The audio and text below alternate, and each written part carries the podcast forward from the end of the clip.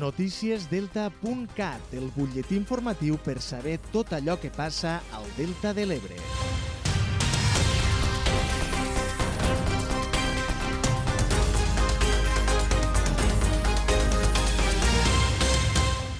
Us saludem des de Delta.cat, anem a repassar l'actualitat de la jornada. L'arquitecta de Deltebre, Eva Frank i Gilabert, comissaria una exposició sobre Picasso a la Casa Encendida de Madrid. La mostra forma part de la programació oficial de l'any Picasso que commemora els 50 anys de la mort del pintor i aborda sense embuts els costats més foscos de Picasso.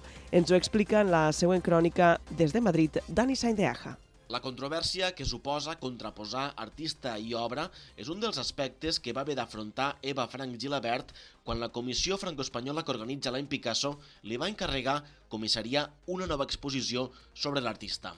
Precisament perquè sóc un perfil independent, més radical que sempre aporta idees eh, diferents no? als contextes i en els quals m'involucro. Llavors, eh, bé, va ser un repte al principi, no vaig acceptar des del principi, vaig voler assegurar de que tenia una idea i un concepte amb el qual jo em podia sentir còmode de parlar de Picasso, però també parlar de les qüestions importants de la nostra contemporaneitat. L'arquitecte crítica de Deltebre, amb una llarga trajectòria en projectes internacionals, va seleccionar una cinquantena d'obres de l'última etapa de Picasso, la més abstracta i prolífica.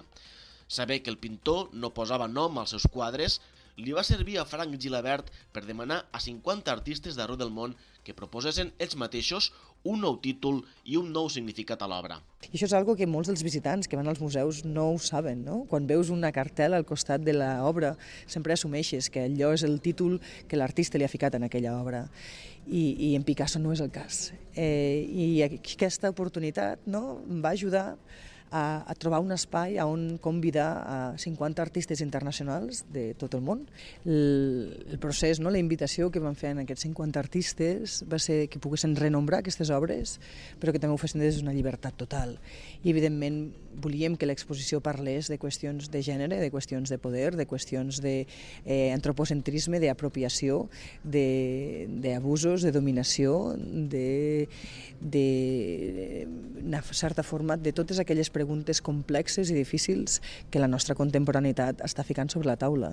Repartides en quatre sales, les pintures i ceràmiques de Picasso, una dotzena que mai abans han exposat, pengen d'una paret. A la del davant, com un reflex, els nous títols i les seves noves carteles proposades pels artistes convidats.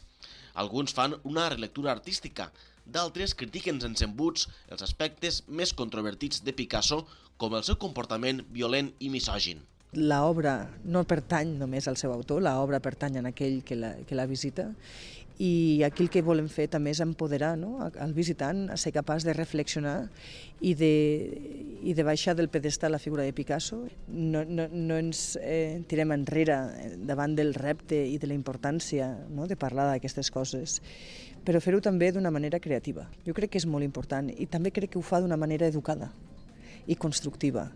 I aquest projecte, aquesta exposició, crec que fa totes aquestes coses. Celebra, sí, però critica, sí, però exposa, sí, però fa reflexionar, sí. L'exposició, Picasso sin título, es pot visitar a la Casa Encendida de Madrid fins al 7 de gener. D'altra banda, també els expliquem que Sant Jaume d'Enveja va tornar a viure este passat dissabte la jornada esportiva i solidària Ens movem per l'ELA, que té com a objectiu donar visibilitat a la malaltia i recollir fons per a la investigació de l'esclerosi lateral amiotròfica, que actualment no té cura. Esta jornada solidària la va impulsar la família d'Ildefonso Oliveras, un veí de la població que va ser diagnosticat d'ELA ara fa prop de 3 anys.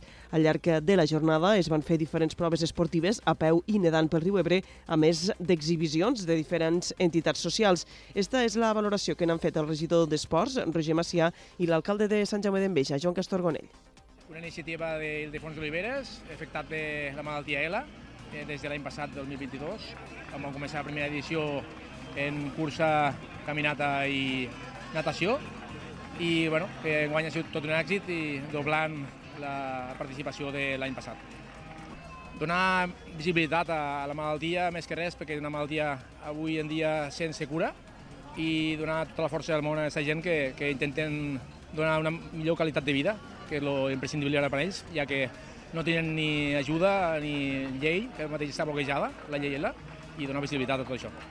Com dia Roger, l'únic que pretenem en esta idea que va tindre Ildefons Oliveras eh, l'any passat, eh, pues, bueno, anar organitzant eh, any rere any esta, esta jornada per donar visibilitat a la, a la malaltia eh, bueno, eh, i sobretot també que, bueno, que passa sempre en malalties minoritàries, en esta potser que és una mica més desconeguda encara més, eh, bueno, aconseguir eh, que aquesta gent pues, tinguin una mica de, de suport, que les coses es puguen eh, tindre una millor qualitat de vida i esperar que en les aportacions que es puguen fer per a la investigació eh, molt aviat hi hagi cura perquè és el que, és el que es necessita.